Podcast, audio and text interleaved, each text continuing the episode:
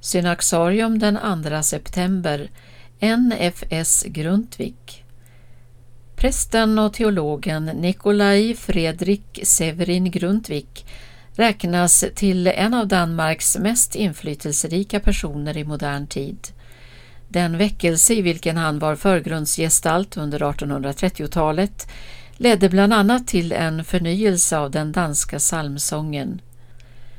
Grundtvig är den utan jämförelse störste bidragsgivaren till den danska psalmboken och är utanför Danmark mest känd som en av de stora hymnförfattarna i reformärt kyrkotradition.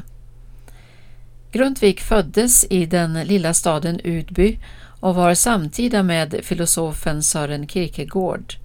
Båda bidrog påtagligt till förnyelsen av dansk-luthersk tradition, även om Grundtvigs ståndpunkter avsevärt skilde sig från Kierkegaards. Den så kallade grundtvigianismen speglar bredden i Grundtvigs egen person, det sätt på vilket han knöt samman det kulturella och andliga livets olika aspekter till en helhetssyn. Allt är skapat tillhör Gud och kristendomen måste därför vårda sig om hela människolivet.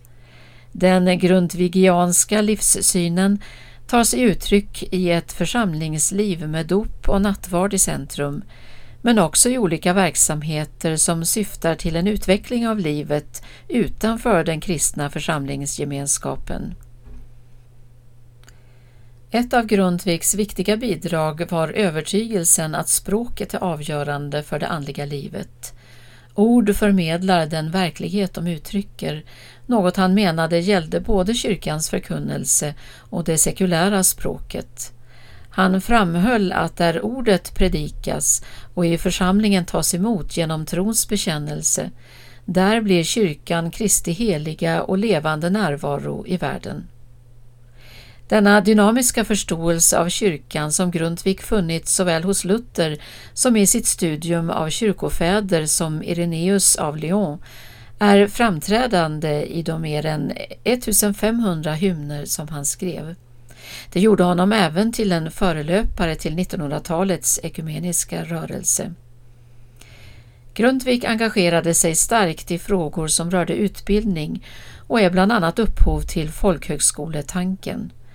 Genom ett initiativ som var helt i linje med hans förkärlek för det muntliga förmedlandet av tron grundade han en rad folkhögskolor som gav inspiration till liknande institutioner i andra länder. Under många år möttes Grundtvig av oförståelse och fientlighet från sin egen kyrka, men mot slutet av sitt liv blev han allmänt erkänd som en benådad lärare och herde.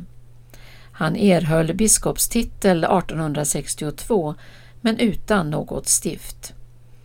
Nikolaj Grundtvig dog i Köpenhamn den 2 september 1872.